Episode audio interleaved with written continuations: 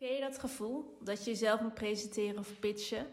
En je hebt zoiets van: oh my god, oh my god, als ik maar niet door de mand val, als ik mijn verhaal maar weet, als het krachtig genoeg is, als het maar overkomt. Nou, dan ben je hier op het juiste adres. Want vandaag ga ik in gesprek met Eva Brouwer. Eva Brouwer is presentator, presentatietrainer en veelgevraagde dagvoorzitter. Binnen haar bedrijf Pak je Podium ze en traint zij verschillende ondernemers, leiders, professionals om zelfverzekerd te presenteren. Inmiddels heeft ze twee boeken geschreven. En ze gaat ons helemaal meenemen in de wereld van presenteren en hoe je nou een goed verhaal neerzet zonder jezelf te verliezen. Ik wens je heel veel luisterplezier. Wil jij je impact vergroten en krachtig leiderschap uitdragen? En heb jij de behoefte om je eigen definitie aan leiderschap te geven? Welkom bij de New Leadership Podcast. Mijn naam is Lianne Vos. In deze podcast deel ik interviews, case studies en praktische tips om jouw leiderschap naar het volgende niveau te brengen. Eva, welkom in de New Leadership Podcast. Wat leuk dat je aanwezig bent. Um, ik kan jou natuurlijk helemaal gaan voorstellen, maar aangezien jij presentatietrainer bent, is het misschien leuk um, om jezelf even voor te stellen wat je doet, waar je vandaan komt. Uh, hoe je in het spreken bent gerold? Ja, nou, dan is het misschien wel goed om even een vraag te stellen aan degene die luisteren. Hoe vind jij het als je jezelf moet voorstellen? Dus stel je even voor, je zit in zo'n, weet ik veel, op een ouderavond of uh, bij een uh, club en je, en je ziet zo als een soort wave dat voorstel rondje jouw kant opgaan. Heb je dan ook een beetje kriebels in je buik? Of denk je dan ook op het laatste moment, oh, wat zou ik zeggen? Zou ik het toch nog veranderen? Ah! Nou, dat is zeg maar Heel herkenbaar. Deze... Oh, gelukkig, jij hebt het ook. Okay, ja. nou, weet je, mensen, niks menselijks is ons vreemd. Dat hebben we allemaal, zelfs als je presentatietrainer bent. Maar eigenlijk dit, die, dat, dat kriebeltje in je buik, dat ongemak van wat ga ik zeggen, uh, hoe kom ik het beste over, uh, spreek ik me uit. Dat is wat ik noem je podium pakken. Dus dat is niet per se alleen uh, als een, dat je de, die, dat rode kleed voor je krijgt als je een TEDx-talk mag houden. Nee, dat begint eigenlijk al bij in een vergadering, als iemand echt staat te kletsen, dat je denkt, ik heb geen idee waar dit over gaat. Steek jij dan je hand op en je, zeg jij dan, sorry, ik begrijp even niet waar dit over gaat. Heb jij die moed? Nou, dat is in wezen het hele spectrum tussen die vinger opsteken en shinen op het podium of voor camera. Dat is waar ik voor zorg. Wauw. Ja, het is wel interessant, want die zenuwen, hoe krijg je dat in godsnaam onder controle? Want je zegt natuurlijk heel mooi van hè, het vingertje opsteken en die kriebel in je buik, dat herkennen we allemaal, denk ik. Hoe krijg ja. je dat goed onder controle? Nou, ik denk dat het ook een kwestie is van omarmen en accepteren dat het erbij hoort. Dus als je er constant, constant tegen blijft vechten of het heel erg ervaart als iets negatiefs, dan is het een vijand die als het ware op je schouder zit. Hè? Maar het is gewoon een heel natuurlijke reactie. Even, waar komt dit nou eigenlijk vandaan? Wij mensen zijn natuurlijk oorspronkelijk kuddedieren. Nou, nog steeds trouwens. Hè, als je ineens ziet wat de laatste mode is, doet iedereen eraan mee. Dus om je uit de kudde te plaatsen, fysiek, is gevaarlijk. Want als jij in je eentje over die savanne gaat lopen, hè, dan grijpen ze je. Maar het is niet alleen fysiek gevaarlijk, het is ook sociaal gevaarlijk. Dus als jij gek tussen aanhalingstekens gedrag vertoont, loop je het risico dat je verstoten wordt door de groep, door de kudde. En daarom zijn wij mensen dus geneigd om pleasend gedrag te vertonen, zodat we erbij horen. Dat, dat is dus niet een zwaktebod, dat is gewoon echt hoe we gewired zijn. Maar als we dus tegen onszelf kunnen zeggen: Oké, zenuwen, uh, ik weet dat je er voor me bent, hè, dat je het beste met me voor hebt, maar hé, hey, ik, ik kan dit als je er dus meer begrip voor hebt waar het vandaan komt, kun je het ook iets anders gaan bekijken. En hoef je het ook niet per se iets te zien als iets negatiefs, maar als een soort, ja, je moet jezelf ook opladen. Een batterij moet zichzelf ook opladen. Hè? Daar zit ook energie in. Spanning zit daar letterlijk op. Dus gebruik het juist als een soort uh, nieuwsgierigheid, als een katapult die jou zelf gaat afschieten. En dan kan je er op een heel andere manier naar kijken. Maar ik zeg niet, jongens, helaas, het gaat niet over per se. Je hebt geen magic pill ervoor, zeg maar. Nee, nee. nee. nee het hoort er natuurlijk ook een beetje bij. En maar des te groter is de kick ook, hè? Dat is natuurlijk ook waar. Ja, als je het eenmaal gedaan hebt, ja. dan, uh, dan, dan vlieg je. Herken je ja. het zelf ook nog? Omdat je natuurlijk, uh, je bent presentatietrainer, je bent uh, presentator, dagvoorzitter, dus je spreekt heel veel. Ja. Ehm, heb je zelf ook nog die, die, die kriebel, die spanning? Ja hoor, zeker weten. En kijk, als het echt iets is wat ik heel vaak heb gedaan, dan went het. Maar als er weer een soort nieuw element is, dan dus een, een groter podium of een belangrijke spreker of een, ja, dat, if the stakes are high, dan mm. komen die zenuwen natuurlijk weer. En ik weet nog dat ik de allereerste keer iets in het Engels moest presenteren, jaren geleden. Toen ging de telefoon van, ja, even doe je ook in Engels. Ik zo, ja joh, natuurlijk, geen probleem. En ik hang op en ik denk, oh my god, wat heb ik gedaan? Wat slecht idee. Ah. En het ging ook nog over de chemical process technology. Echt iets waar ik echt oh. nul kaas van heb gegeten. Dus ik weet nog dat ik in de coulissen sta, naast een of andere trommelaar, die dan het programma gaat openen. En ik ben echt jaloers op die gasten. Ja, dude, jij bent echt na anderhalve minuut klaar met je trommel. En ik moet dan nog twee uur lang in het Engels.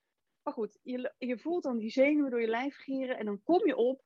En dan, ja, dan moet je dat luikje openzetten. Daar kan ik straks nog wel meer over zeggen. En dan, nou, dan ga je gewoon. Dan zet je jezelf aan. Ja, ja. Dus ja, je hebt het, als ik het goed begrijp, heb je het ook een beetje nodig om, um, om scherp te zijn. Ja. Om aan te staan door die, uh, door ja. die Wat, uh, was dat het laatste ook uh, waar, jij, waar jij die zenuwen voor had?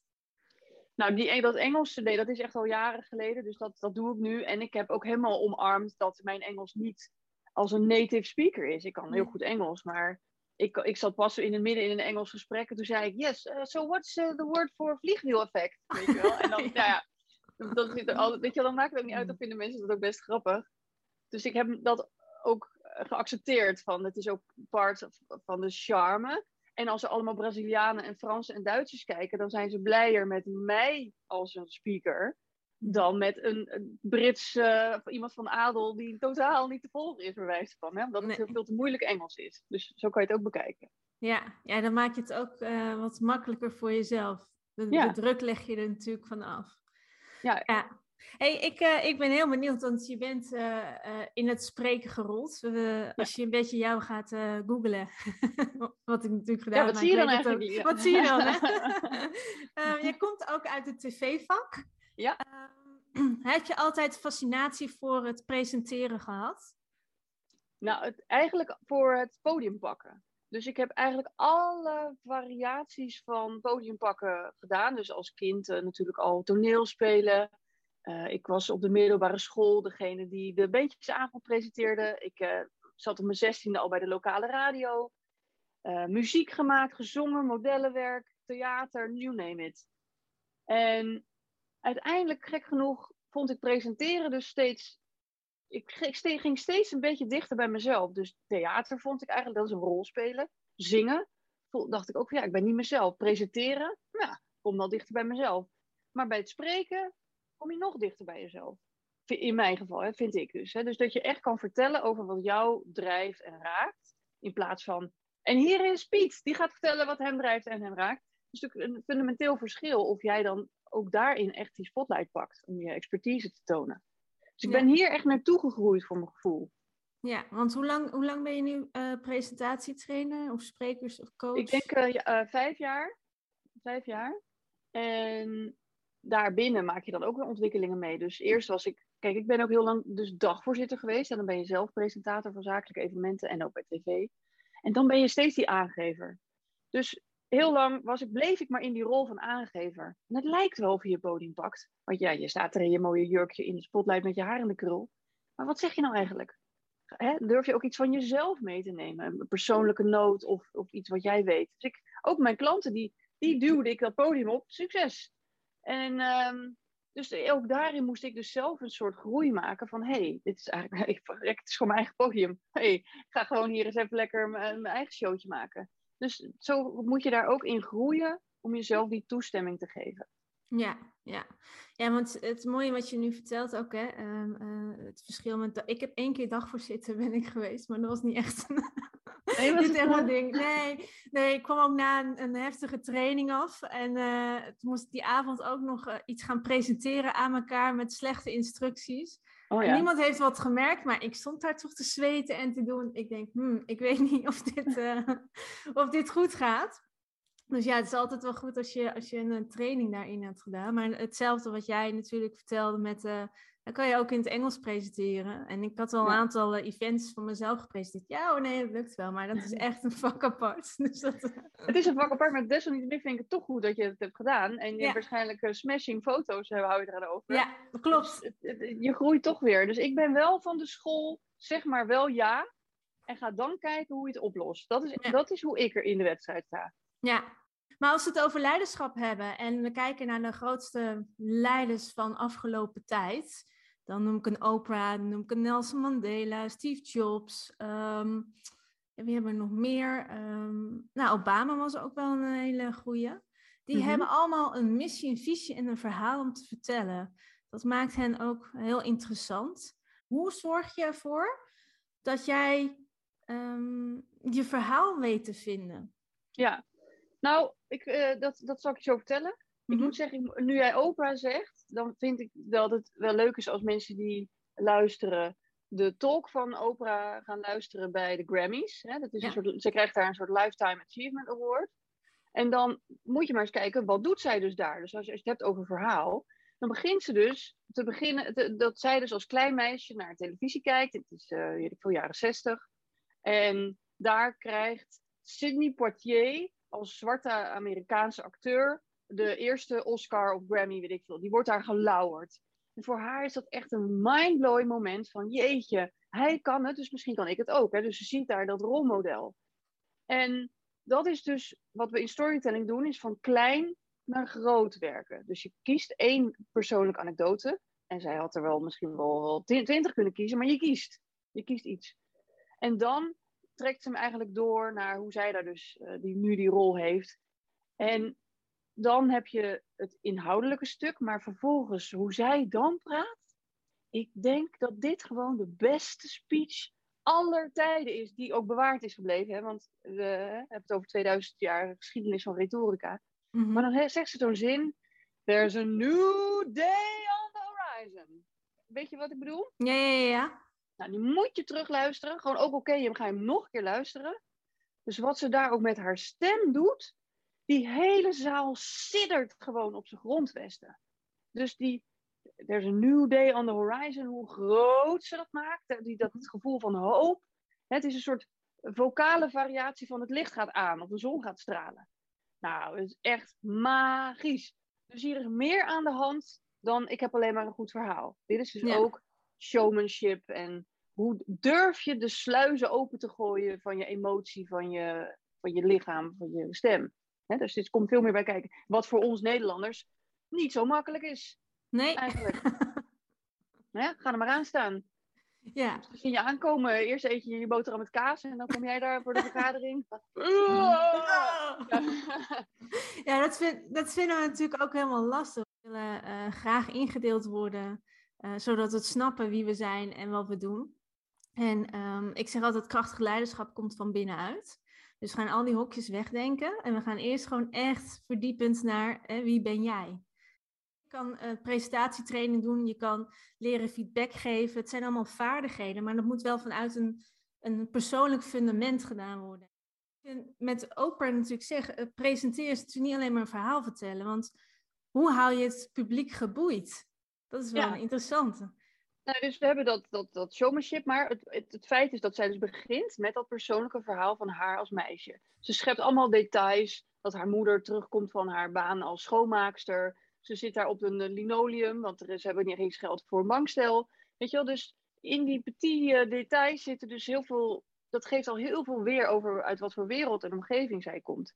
En ik ben het dus helemaal met jou eens als het gaat over, ja, wie ben jij? Kom dan zelf eens met een persoonlijk verhaal. En hoe doe je dat? Nou, uh, ga eens na bij jezelf. Wat is nou een sleutelmoment in mijn leven? En dan kan je ook een soort nog verlamd worden door keuzes. Maar je weet gewoon, je voelt gewoon in je buik van dit was echt een belangrijk moment. Of hier heb ik echt iets overwonnen. En daar ben ik trots op. Dan ga eens na wat dat soort momenten zijn. Daarmee weet jij anderen te inspireren. Ja, ja, want we kunnen een heel mooi uh, strategisch mooi verhaal in elkaar uh, draaien, wat natuurlijk nog wel vaak gebeurt. Um, um, en vooral in je rol als leider, daar zijn ze ook wel een beetje van, oké, maar ik ben leider. Hè? Um, ja. Het stukje persoonlijk doe ik dan even weg. Ik ben een rol, ja. ik moet me als leider gaan presenteren, maar daar Nou, gaat ik heb, het ik heb een mooi voorbeeld om het Ja. even wat duidelijker te maken. Ik was aan het werk met een eh, CEO van een groot bedrijf. En die moest een best wel hevige eh, verandering in het management aankondigen. Hè? Een, een, een- weet ik veel, agile werken. Of gingen op een heel andere manier gingen ze, gingen ze werken.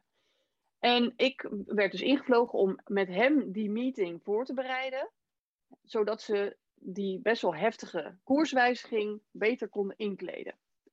Nou, dus ik eh, met hem aan het werk. En to- toen bleek dat er best wel een mooi persoonlijk verhaal was met zijn zoon. Die ook eigenlijk een koerswijziging in zijn leven had.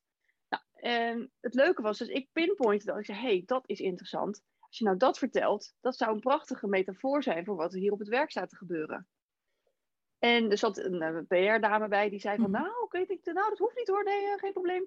Ja. Maar, want die wilde logisch hem een beetje in bescherming nemen van, nou, is dat wel een goed idee. Maar hij pakte dat meteen op. Hij zei, ja, ik heb dat nog nooit gedaan, maar ik denk dat je gelijk hebt. Nou, toen hebben we dat samen geoefend en, eh, en natuurlijk eh, de structuur aangegeven. En toen heeft hij het gedaan. En toen kreeg ik dus later feedback dat een collega had naar hem gestuurd. Jeetje, wat, eh, wat, wat bijzonder dat je het zo hebt gedaan vanuit de mens en niet vanuit de cijfers. Ik ben trots dat ik bij dit bedrijf hoor. Dat is toch, bedoel, in plaats van dat mensen dus met de armen over elkaar de hak, eh, in hè, dan, eh, kreeg je dus iets dat het juist als iets heel positiefs werd ervaren. Nou, dat is dus echt, dat is dus de kracht van je visie delen met een persoonlijk verhaal. Ja. ja, want dat maakt een verhaal ook goed. Zijn er ook andere dingen wat een verhaal of eh, een, een presentatie goed maakt? Behalve de Ja. persoonlijke noot? Ja, 100%. Het hoeft namelijk niet zo heel, altijd heel zwaar te zijn. Hè? Want dit is, dit is nou natuurlijk misschien best een heftig verhaal. Maar eh, ik sprak pas een man, dat was ook een, een, een baas van een groot bedrijf. En die eh, had dan een, een presentatie voor zijn, zijn bedrijf op, in een heel groot theater. En toen zei hij tegen mij naar de hand: Ja, weet je wat bijzonder was? Ik was daar ooit geweest als zevenjarig jongetje. Naar, had ik naar cabaretier Paul van Vliet gekeken. En toen stond ik daar op het podium en toen dacht ik bij mezelf: Jeetje, nou, dat is toch wel bijzonder dat ik hier nu op dat podium sta. Ik zo, wauw, wat cool. Heb je dat verteld? Nee, nee, dat heb ik niet verteld. Ik zo, gast, dat is natuurlijk juist hartstikke leuk als je dat vertelt. Want dan zien ze eindelijk de man achter de, de, de functie. Goed, dit was dus helaas eh, out of my hands. Dat zou, dus, dat, dat zou ik wel mensen gunnen om juist iets kwetsbaarder te zijn. Dat is ook, jouw, ook wel een onderdeel van je missie, om, om nou ja, dat hele eh, gestructureerde, eh, saaie eh, verhalen hè, die we hebben, Ja. om te turnen naar iets persoonlijks. Ja, dus het structuur. Ik, kijk, als je mij ziet, ben ik, dan kom ik niet over als de meest gestructureerde persoon op aarde. Dat is helemaal waar. Maar desalniettemin hebben we natuurlijk heel veel baat bij een structuur. Het feit dat ik Ja. weet van ik moet me 's ochtends aankleden, want het, is- hè, dat is natuurlijk beter. Eh nou, overdrijf ik. Dus ik geef heus wel structuur. Maar saai, inderdaad, daar gaat het om. Ja. Ik geef je een voorbeeld. Ik sta nu bij de koffieautomaat met mijn collega. Of collega ondernemer van mij wordt. Hé, hey, hoi, eh, gezellig, zie ik je ook weer. Hey, ik spreek je na de hand. Ja, gezellig. Oké, nee, ik moet nu even presenteren. Oké. Dan nu de jaarcijfers. Goedemiddag allemaal. Mhm. En dan zit er dus een gigantische discrepantie tussen die vrolijke jij buiten het podium en die zogenaamd super serieuze deskundige op het podium. En we zouden zo graag, en dat is ook wat jij bedoelt, denk ik, hè, dat je dus dat persoonlijke fundament, dat je dat meeneemt daar naartoe. Dat we, diezelfde, dat we aligned zijn, dat diezelfde persoon ook vol overtuiging dat podium op kan stappen. Je hebt een boek geschreven ook over online presenteren. Ja, je hebt een klopt. boek, de tien stappen eh, van ponypakken en eh, de online Ja, en in tien presenteren. stappen online presenteren, ja, zeker. Wat, ehm, eh, wat, wat is het verschil tussen online en offline? Wat, je zegt Ja. net, je hebt andere dingen daarvoor nodig. Nou, ten eerste is het dus een stuk overgave. Want hoe vaak hoor ik niet van, ja, ik vind het toch niet, ik vind het toch niet zo leuk hoor. Ik ben blij dat we weer naar eh, kantoor kunnen. Terwijl ik denk dan, wat doe je daar? Je komt daar binnen, je gaat koffie drinken, je gaat ook nog heel lang lunchen. Je gaat ook nog, weet je wel, dus als het gaat over een training geven of zo, is het niet per se effectiever dat je een hele dag daar bent en in de file hebt gestaan. Dan, hè, dus, het, dus het gaat ten eerste over geloven dat het ook kan. Ehm, ja, je zit er vaak bij alsof je in je woonkamer zit. Want, hé, hey, gek, je zit vaak in je woonkamer. Maar er moet ook daar wat meer gebeuren aan energie, aan verhalen, aan veel beter door de camera kijken. En ik noem dat uitgestelde verbinding. Want Mhm. mensen vinden het lastig dat ze niet direct oogcontact kunnen maken. Maar als ik, ik ben nu met jou in gesprek, dus ik kijk nu echt expres heel goed in de camera. Dus jij hebt toch oogcontact met mij. Mhm. En als jij aan het vertellen bent, dan kijk ik naar jouw ogen. En dan hebben wij dus uitgestelde verbinding, maar het is er wel degelijk. Dus dat zijn dingen die je gewoon goed tussen je oren moet knopen. En je moet het echt omarmen, niet iets zien als second best. Want Tony Robbins vraagt evenveel geld nu voor zijn online dingen als offline. Ja. Dus blijkbaar is het van evenveel waarde. Ja. Maar het gaat er gewoon om, wat doe je ermee? En zet je er niet zo tegenaf? Want het is gewoon nu niet meer maart 2020. Je kan niet gewoon blijven mokken van, nou, eh, het is niks voor mij hoor. Dat werkt gewoon niet meer. Nee, daar is dus wel een verandering in gaande. En dat zal waarschijnlijk ook wel blijven in die zin dat we veel meer online gaan werken. Ja. Ehm, veel meer thuiswerken. Ik bedoel, met de, af, met de afgelopen dinsdag eh, weer de coronamaatregelen werk zoveel mogelijk thuis. Ehm, maar hoe hou je die verbinding dan met, ehm, met je publiek? Want ik kan me voorstellen als jij presenteert of verhaal vertelt of in een vergadering of op het podium, dat je natuurlijk ook iets doet met de energie die ontstaat in de zaal. Ja, dat is wel zo, maar dat is, is ook zo. En ik hou ook van het podium hè, en van de, van de zaal. Begrijp me niet verkeerd. Het is, het is natuurlijk ook een wa- Mhm. waanzinnige ervaring.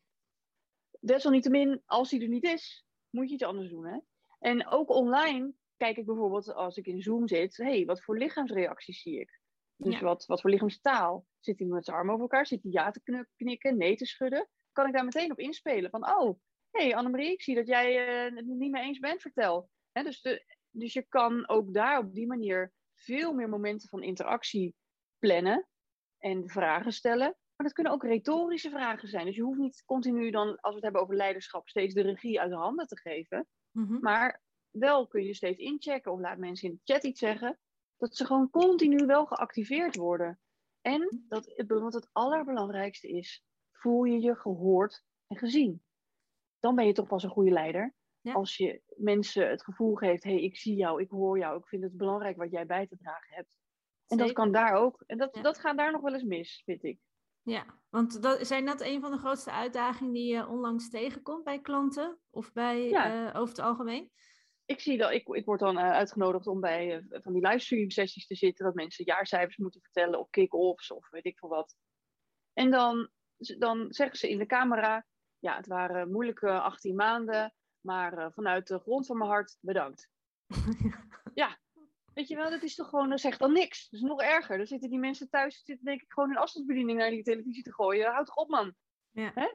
Dus dan is het wel goed bedoeld, maar doordat je, ja, het is ook niet geen kwaaie wil, maar doordat je bijvoorbeeld bent afgeleid door die camera en het een beetje geïntimiderende setting vindt, dat je dus eigenlijk een beetje zo geconcentreerd bent, gaat dat dus ten koste van je sympathie op dat moment. Mhm.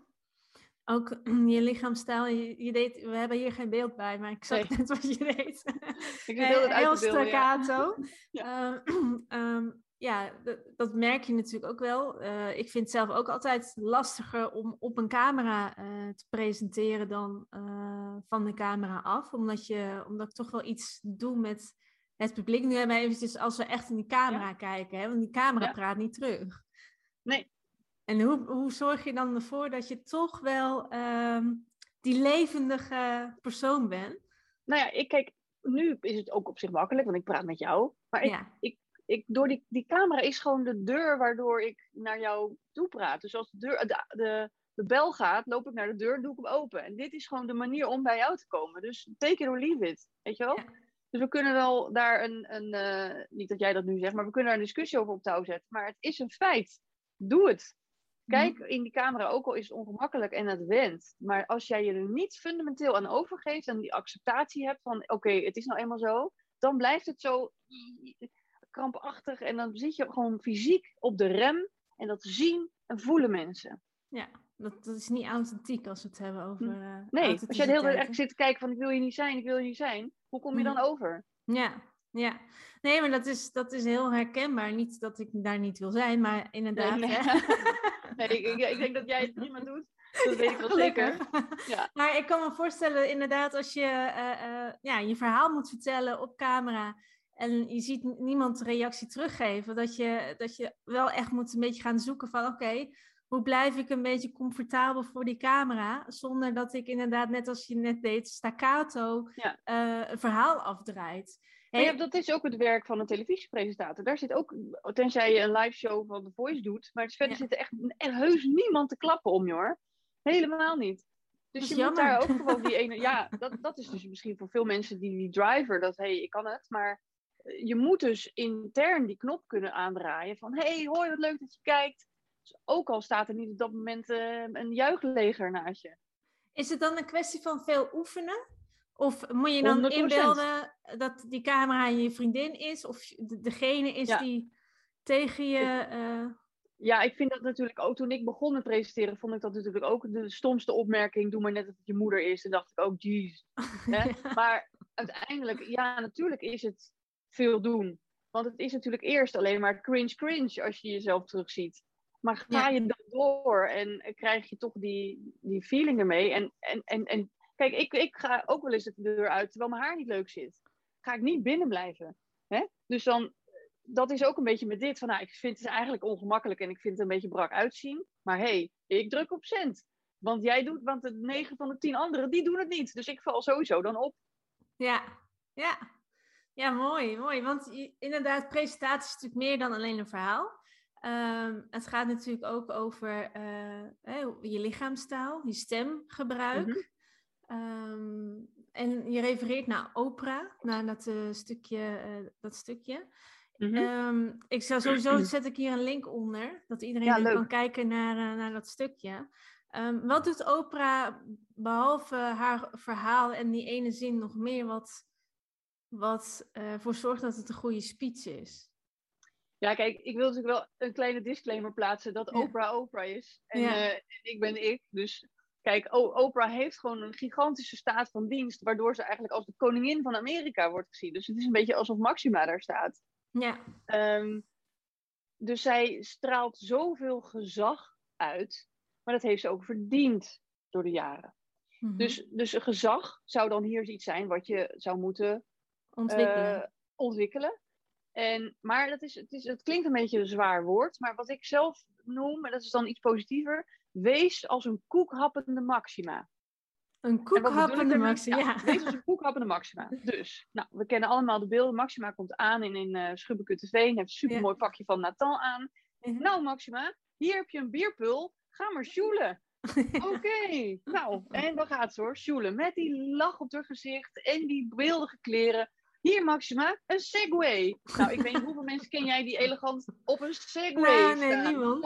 Maar ja hoor, daar gaat ze. Koekhappen, you name it. Uh, en het ziet er toch gewoon glamorous uit. Dus wat is dat? Dat noemen ze ook wel happy high status. Dat is dat je dus met waardigheid autoriteit uitstraalt. Mm Dus ook al zit ik, zou ik hier zitten met jou in een aardbeienpak. Ja. Met een aardbeienkrone hoedje op. Dan nog zou ik mijn verhaal kunnen doen met gewoon flair. En zonder me daar iets van aan te trekken. Mooi.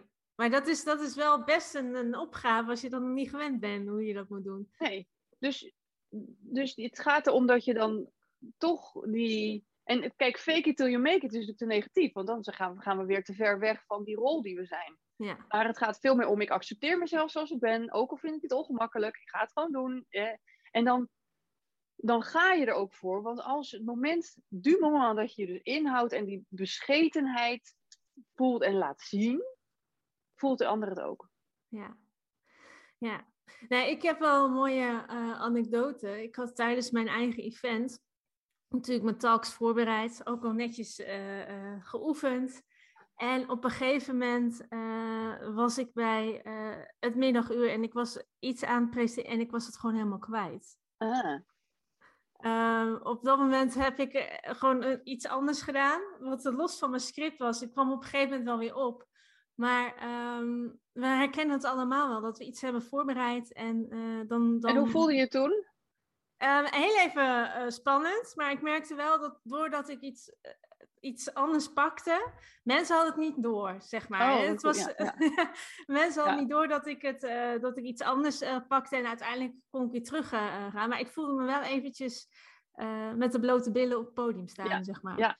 Ja, het, is Ehm, ook, het heeft echt een rotgevoel. Het voelt alsof je eruit glipt of zo. Ja. Het voelt alsof je even door een eh, achterover valt en, en er is niks. Zoiets- Nee. Zo'n soort gevoel heb je. En dat is ook heel eng. En ik heb op televisie ooit een live blackout gehad. Terwijl ik iemand aan het interviewen was, eh, zat ik echt tussen baba, baba, baba. En nou, dat was echt een traumatische ervaring. Ik ben ook van de buis gehaald. En als toetje mocht ik ook nog de autocue gaan draaien. Voor mijn opvolgster. Olé. Nee, echt? Nou ja, dus het was echt een super beschadigende ervaring. Waarna ik Ja. echt helemaal in mijn totale imposter syndrome eh, ei ben gekropen. Ja. Ehm, maar ja, later, veel, een paar jaar later had ik me weer teruggevolgd naar televisie. En toen was dat ik weer op de bank op de, in de studio te interviewen. En toen voelde ik weer van, ik weet het even niet. Maar op dat moment deed ik dit. Ehm, wat was het ook alweer? Oh ja, ik weet het weer. Dus ik gunde mezelf op dat moment gewoon even bedenktijd. In plaats van dat ik echt gewoon helemaal brain freeze kreeg. En toen pakte ik het weer op. En dat was voor mij zo'n mooi moment dat ik dacht, ah nou, wel, I, I've come a long way, dacht ik Ja. toen. Ja. Ja, maar dat is inderdaad een, een tip die je natuurlijk kan doen door gewoon ook even die stilte te laten vallen. Of Mhm. publiek onderdeel te laten maken van het feit dat je het ook maar een mens bent en eventjes niet weet. Kijk, op televisie is het natuurlijk anders dan als mensen naar event voor jezelf komen. Of tenminste, dat denk ik. Dat is een aanname, maar Ja. dat lijkt me wel. Ehm, Ja, eh, ik, ik weet wel dat er een keer een bandje niet kwam of zo. Dat we iets hadden aangekondigd en er werd niks ingestart. En ik zat naast een co-presentator en ik zei, wat doen we nu? Wat, eh, ik, ik dacht helemaal, eh, en ik was toen net begonnen. En hij zo, nou, ja, we wachten gewoon. We wachten gewoon even tot we horen van de regie wat we gaan doen. Oké, nou dan wachten we even. Dat was allemaal ook op, op zender, hè? En dan Ja. wachten we gewoon even. Oh, oké, we wachten. Het voelde, echt een, heel eng, maar eh, zo leer je het wel. Ja. Hey, ehm, welke uitdagingen, want we, daar hebben we natuurlijk een beetje aangestipt al. Welke uitdagingen ben je zelf in het spreken eh, tegengekomen, behalve dan dat je in het Engels moest spreken? Ehm, ja, kijk, ik bedoel, ik heb zoveel meegemaakt. Ik heb dat ik per ongeluk nog niet mijn, mijn jurk had dichtgeritst, terwijl wel mijn microfoon eh, achterin mijn kastje, weet je wel, Oh, nog aan BH hing. En ik ben vast met je voeten in de trap. eh, je, je, je hebt je microfoon en de snoer valt eruit. Ik bedoel, ik heb echt alleen en verkeerde namen op je kaartje. eh, weet je? Ik heb echt alles meegemaakt. en hoe En ga je dan op dat moment mee om? Op dat moment? Ja, ik had één keer had ik dus een, had ik op mijn kaartje van, nou, de prijs wordt zo meteen uit, uitgereikt door die en die persoon. Dus ik zei, nou, dat is de collega die eh, gaat hem uitreiken. En toen hoorde ik op de voor, voorste rij, nee! Ik zo, eh, oké, eh, sorry, is dat? Nee, het is eh, de weduwe. Nou, dat was dus de weduwe van een bepaalde persoon. Dus ja, dat was natuurlijk echt gênant, want die vrouw Ja. had een heel duidelijke rol om daar nog iemand in het zonnetje te zetten. Ja, toen heb ik meteen gezegd, oh sorry, het spijt me, het stond niet eh, op mijn kaartje. Eh, excuses, maar dit is vast een heel bijzonder moment voor u. Dus ik kon het wel weer omdraaien. Maar toen heb, weet ik nog dat ik ongeveer vijf minuten bij een of ander zuiltje met een boeket erop echt zo een soort van bij moest komen. Ja. Daarna was het wel weer van, oké, show must go on. Dus Ja. de, de- heb het geheugen van een goudvis op dat Ja. Het is leuk, want veel introverte mensen haten het om het podium te pakken. Ehm, die staan liever achter in de, in, in, in de groep of gaan in op in de groep. En veel mensen denken ook, als je introvert bent, dan kun je geen leider zijn. Ehm, wat totaal niet waar is. Maar ehm, Nee. eh, introverte mensen hebben gewoon wel moeite om hun podium te pakken. Wat voor tips zou je hen kunnen geven om dat te vergemakkelijken? Ja, ik moet zeggen, het is niet per se altijd mijn ervaring dat introverte mensen minder makkelijk een podium pakken. Het is, het is soms moeilijker om small talk te houden Mhm. bij een borrel dan als jij gewoon jouw ding gaat doen op dat podium. Wat jij hebt Ja. bedacht en voorbereid. Dus eh, het hoeft niet altijd zo te zijn. Maar het kan bijvoorbeeld wel zijn, je hebt, ze zeggen wel eens, je hebt drie seconden mensen en tien seconden mensen. En in een vergadering hebben die drie seconden mensen natuurlijk meteen hop, al hun mening gegeven. Terwijl die tien seconden mensen nog even denken, ja, ik laat het even op me inwerken. En vervolgens komen zij niet aan bod. Dus dat is natuurlijk het, het sneuien tussen aanhalingstekens Ja. van ons systeem. Dat het vaak is ingericht op degene met de grootste waffel. Ja. Eh, en ik ben zelf een één seconde mens, dus ik mag al helemaal niks zeggen. Ja. Maar ehm, ja, ehm, dus op zich, het, het kan natuurlijk wel, maar het is ook aan, ehm, als jij echt iets heel belangrijks te doen hebt als leider en je bent Mhm. introvert, kijk dan ook naar het systeem wat daaromheen zit. Hoe is dat ingericht? Opdat andere mensen ook aan bod kunnen komen. Dat heeft ook nu tegenwoordig te maken met diversiteit en inclusie. Ja. Hoe is jouw systeem ingericht dat er steeds dezelfde aan de beurt komen? En Ja. hoe komt dat? En ga eens kritisch, durf eens even verder dan je eigen neus te kijken waarom dat eigenlijk niet logisch is dat het zo gaat. Ja, dus inderdaad wat je zegt, ook daarin onderzoek doen eh, naar, eh, naar jouw eigen team. Ja, en ook dus, ja, als je in, de, in een beslissende positie bent, wat kan je dan organiseren dat jij dan beter uit, uit de verf komt dan Ja. alleen maar on the spot het perfecte ad remmen humoristische antwoord eruit kunnen flappen. Nee? Dat is misschien niet jouw stijl. nee, nee. Want dat is het leuke. Jij hebt heel veel flair en heel veel eh, eh, energie en spontaniteit.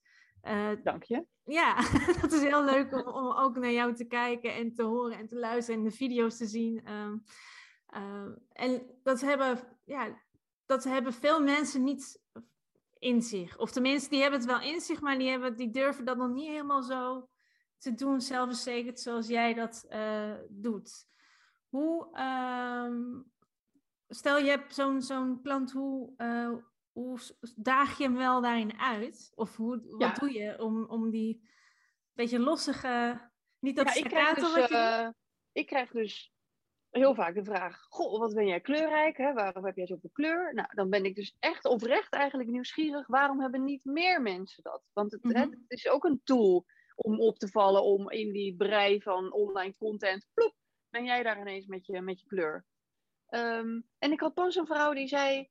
Ehm, ja, jij hebt heel glitter en kleur en dierenprint. Wauw, dat, dat, daar ben ik eigenlijk ook echt gek op. Maar dat is natuurlijk niet sociaal acce- geaccepteerd. Ik echt zo? Wat? Wat zeg jij nou? Maar hoezo is dat niet sociaal? Dat is, dat is nu wat jij zegt. Maar je, jij mag dat zelf bepalen. Ook al, kijk, ik heb een hele felgekleurde roze met gouden jas. Ja, De eerste week dat je daarmee rondloopt, dan zie je iedereen echt zo, zo de knetters wat komt Daar daarbij. komt ie En dan voel je, ja, dan voel je jezelf ook echt, ik loop hier in een roze met gouden jas. Maar op een gegeven moment zie je het niet meer, hè? dan is het gewoon jouw jas. En dat Ja. is het een beetje met al die dingen. Het is even wennen. Maar dat is net, dat heb jij misschien ook wel gehad. Heb jij ooit in loondienst gewerkt? Ah, acht maanden. Toen dacht ik, nou, Oh ja. ja, nou, en dan komt er dus een moment dat je, ja, ik ga ondernemen en ik ga Ja. op, eh, op social media ga ik allemaal filmpjes opnemen en, en mensen om je heen zeggen, Ja. je, je gaat wat doen? Sorry? herkenbaar. Ja. Ja, en dan is er even dat moment van ongemak. Dat andere mensen die een beetje zijn blijven hangen in die oude wereld, jou zien, je vleugels zien uitslaan. En dan creëert dat ook even een soort van ongemak. Ja, Ja, ik heb, ik heb, ik, ik heb zelfs iemand gehad. eh, mijn vriend, eh, mensen weten niet. Mijn vriend is een eh, rugbyspeler geweest. Dus ik, ik Mm. zat in de rugbyclub. Niet dat je denkt, hè, wat doet ze daar? Ehm, en ik was iets aan het bestellen bij de bar. En er komt iemand naar me toe. En dat is een man, een beetje eh, een, achter in de, de 40, begin 50. Lian. Ik zeg, ja. Mag ik jou een advies geven? Ik zeg, nou, vertel. Hij is geen ondernemer, niks. Ehm, jij mag wel iets rustiger praten in je filmpjes. Want eh, je, je stuit het nogal. En ik moest echt enorm lachen. En in het begin dacht ik, hè, wat gebeurt? En toen zei ik, goh, weet je, ehm, je kan die filmpjes ook uitzetten, hè? Je hoeft niet meer naar me te kijken, maar blijkbaar word je wel getriggerd om te blijven kijken. Ja, Maar ja, je krijgt, wat je zegt, je krijgt van, van verschillende mensen die het dus niet kennen of weten, Nee. krijg je in één keer allemaal opmerkingen, advies, ja, dit waardoor je... sterk staaltje mansplaining. Dan heb ik jou daar weer, hè? Ja, ja, maar inderdaad, ga alsjeblieft heel rustig, monotoom. Ja. Ik zeg maar, het zijn mensen die ook op mijn energie aangaan. Ja, Anders ben je de, hè, de een, eenheidsworst, noem ik het maar. Eh, Ja. Dan val je, ja, in die zin... Dus ik, het- ik werd wel geraakt, eerlijk gezegd. Het was echt het begin. Dat ik dacht van, oh, moet ik dan rustiger aanpraten dan? Ja, maar dit zijn wel hele cruciale, gevaarlijke momenten. Want als Ja. het dus iemand is die, die jij hoog in het vaandel hebt staan, dan kan je dus kan, eh, kan die kiem meteen ge- gesmoord worden. Ja, Het is echt heel gevaarlijk. En we kennen allemaal zo'n gevoel, zo'n moment van vroeger, dat iemand zei, zo, jij kan echt niet zingen. Of eh, nou, eh, doe maar even niet zo overdreven. En dat blijft als een repeterende plaat soms in je hoofd hangen. Hè? Dus je moet echt, al, jij was gelukkig al verder in je carrière en steviger in je schoenen. Dat zijn echt gevaarlijke momenten die zelfs een leven lang iets kunnen bepalen. Ik krijg ook mensen die gepest zijn vroeger in mijn, eh, bij mijn eh, cursussen. dat is wat een impact heeft dat. Verschrikkelijk. Dus de, die vrolijke kinderen van toen zijn gewoon helemaal oh, uh, geïntimideerd en hebben gewoon geleerd: ik hou mijn mond, want dat is veilig. Nou, probeer mm dan maar eens die, die switch weer te maken. Ja, ja. Dus, um, ja. Nou, heel, herkenbaar. Ik was vroeger doof in de kleuterschool. Ja. Uh, ik had wel gehoord, maar ik was gewoon doof, vijf keer geopereerd. En daardoor was ik altijd heel goed in. Ik wilde niet opvallen op dat moment. Dus ik ging mm. gewoon heel. Ik was heel goed in, in bekijken wat mensen deden. En dan ging ik daarin mee.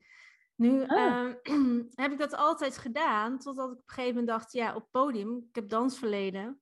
Ja. Dat, is niet uh, wat ik moet doen. Uh, als je het hebt over positioneren. Ik ben niet voor niets ook gaan profileren, positioneren, ook vanuit mijn eigen noodzaak. Ja, mooi. van, oh hé, hey, dat, is een, dat is een dingetje.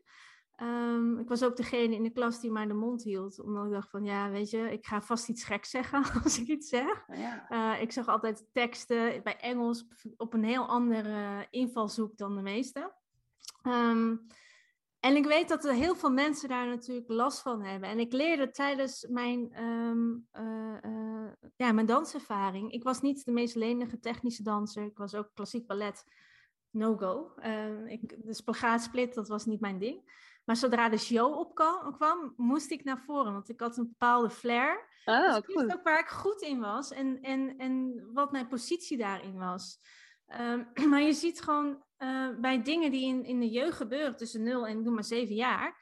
Uh, ja. En je hebt het over pesten. Dat heeft zo'n grote impact dat je, dat je op een bepaalde manier door het leven gaat en niet de andere kant kent voordat je ergens een noodzaak voelt om dat te veranderen. Ja, en ehm, zo'n opmerking van zo iemand kan dat echt wel weer ook soms triggeren, die oude pijn die er dan zit. Dus ik, ik geloof ook wel echt dat je bij presenteren echt super veel zelfvertrouwen moet geven. Ik bedoel, hoe ik zelf van die buis ben gehaald, is ook zo'n voorbeeld. Dat is gewoon echt zo kwetsend of afbrekend. Dus je moet echt stapje voor stapje liefdevol accepteren de fase die er dan is. En niet meteen al heel kritisch blijven. We zijn allemaal de Anouk van onze eigen jury. Dus de mhm. strengste die er is het is gewoon zo'n kwetsbaar proces. Dus, en het kan ook dus heel snel verpest worden. Ja. Uh, dus wees daarin gewoon geduldig, liefdevol naar jezelf. En stapje voor stapje zie je die verbetering. En dan kijk je terug naar een filmpje van vijf jaar geleden. En denk je ineens, wow, wat een groei. Ja, we zijn namelijk heel erg gewend om ons te gaan vergelijken met mensen die het al heel goed kunnen. Ik ja. bedoel, uh, dat is met spreken zo, dat is met uh, het runnen van een bedrijf zo, het is met, uh, uh, nou ja, overal kunnen we wel, in, in de sport zo. Um, waardoor we dan het gevoel hebben van, nou weet je, het zit er voor mij niet in. Of ik vind het, die zijn zo goed, laat het maar. Hoe um, herken je dat ook bij jouw klanten? Die dat ja, ik ken het natuurlijk ook bij mezelf. Laat, ik, laat ik even de uh, hand in eigen boezem steken. Ik kan natuurlijk ook uh, in een soort uh, Instagram swipefest zitten. Dat ik denk, oh, wat zijn ze allemaal goed, wat zijn ze allemaal goed. Ja. Dat hebben we denk ik allemaal wel eens. Ja. En dan is het ook de kunst om het weer om te draaien naar, jeetje, wat een inspiratie. Hè? Wat, wat, wat, doen, wat, wat kan ik hiermee? Wat triggert mij dat ik denk van, oh, daar wil ik dan zelf blijkbaar iets mee. Dus, um, maar ja, dat is, het, is ook, het is ook gewoon echt een proces. Uh, het is moeilijk, hè, als je het al spannend vindt om een glittertrui aan te doen, dan, is het dus, dan heb je gewoon nog best wel wat stapjes te zetten in het accepteren van de mening van anderen. Ja, en je podium pakken dus. Ja, dus ik bedoel, hè, dus de, in al die gradaties van je podium pakken, daar kan je dus steeds verder in groeien. En dat, uh, dat, dat, kost gewoon tijd en uh, veel liefde voor jezelf in een niet per se narcistische manier. Ja. ja. en als we het daarover hebben, ehm, wie is jouw grote uh, voorbeeld? Heb je een groot voorbeeld op jouw vakgebied ja. waarvan je denkt, oh, die, die inspireert mij enorm? Ja, ik, ik, ik heb uh, zeker een voorbeeld. Ik heb hier mijn boek en hij heeft achterop bij mij een, uh, een tekstje gemaakt. Ja. dat is Jan van Zetten. Hij is zelf topspreker en ook auteur en bestseller-auteur. En ik heb hem ooit gezien toen ik dagvoorzitter was. En hij ging dus praten. Het een heel vet Rotterdamse accent. Ik kom zelf oorspronkelijk ook uit Rotterdam. Oké. En uh, aan het einde, ze hadden gezegd: Eva, je hoeft hem niet af te kondigen, want Jan maakte zelf een feestje van. Ik zei: Oké, nou uh, prima. Aan het einde blijkt hij ook zijn eigen glitterkanon meegenomen te hebben. Dus het oh. regent gouden confetti. En ik had echt zo'n NS-moment van: op een dag weet je het, je wordt spreker. Dus ik had echt geen idee hoe ik dat voor elkaar moest krijgen. Maar ik wist wel van ik moet uit die rol van aangever. En ik moet mijn eigen. Wat jij zegt over die flair op het podium. Dat je meer te geven hebt. Dat wist ik ook. Maar ik wist nog niet precies hoe ik er toen 1, 2, 3 bij kon. Maar dat was wel uh, een mega inspiratiebron voor hem. En vorige week lanceerde hij zijn nieuw boek en was ik degene die hem aankondigde. En het oh, eerste boek en hem. Dus, dus, dus, dat was ook al echt een mooi moment. Uh, mooi, heel mooi. Ja. En wie is voor jou de, je grote... Uh, je hebt vaak van die teachers die je op je pad krijgt. Um, ja. En het hoeft niet per se uh, gelinkt aan je, aan je vak, maar wel in je ontwikkeling. Heb jij een aantal mensen die jou geholpen hebben waar je nu staat? En, um... Ja, onwijs. Ik heb ook echt gigantisch veel geïnvesteerd in business coaching. Echt gewoon niet normaal. En dat vind ik ook leuk. Ik ben een leergierig mens, dus dat, ik, vind dat, ik geniet er ook van. Ja. Maar ik zal even een voorbeeld geven van iets wat minder voor de hand ligt. Ik hou heel erg van kunst. Ik investeer ook veel in kunst. En er is een galeriehoudster in Amsterdam, Pien Rademakers. En zij is echt ook super kleurrijk vanaf het eerste moment dat ik haar ontmoette op een kunstbeurs, was er echt een soort klik. En ik dacht, had gewoon zo'n gevoel van, het is net dat het mijn grote zus is. En ze, mhm. is iets, uh, ze is tien jaar ouder dan ik. Maar soms voel ik mij natuurlijk ook wel eens een olifant in de porseleinkast. Ik ben wel eens op vakantie in Japan geweest. Nou, ja. dat is niet de bedoeling dat je daar even hard op schaterlacht om een grapje of zo, weet je wel. En uh, dus soms denk ik ook wel eens van, ja, is het misschien veel? I, don't know, ik kan het niet laten, ik kan het niet helpen. Maar en dan zie ik zo iemand als, als zij. En dan denk ik, yes, het is oké. En uh, ik, ik, ik, ben, ik, ik kan ook gewoon echt mezelf zijn en daarin weer een inspiratie voor anderen zijn. Om, om ja. gewoon, in mijn geval, je hebt ook mensen die houden heel erg van beige en van, uh, weet ik veel, rietstengels. En ik hou gewoon van roze en heel veel kunst. Nou, ieder zijn ding, ja. Ja, mooi, mooi. Zo zie je maar dat je niet alleen maar uh, mensen op je pad hebt die, die vakgerelateerd iets kunnen nee. bijbrengen, maar ook gewoon van hele uit, vanuit hele andere hoeken. Ja. Ja, ja. ja mooi. Hey Eva, wat zou je de luisteraars nog mee willen geven die, uh, ja, die wat meer zelfvertrouwen willen krijgen in het spreken? Nou, ik, ik heb natuurlijk een cadeautje. Vind je dat leuk als ik dat geef? Oh ja, ja? zeker. Uh, want nou, als het gaat om dan doen, heb ik een, een training die ik uh, weggeef. Die heet Live met Lef.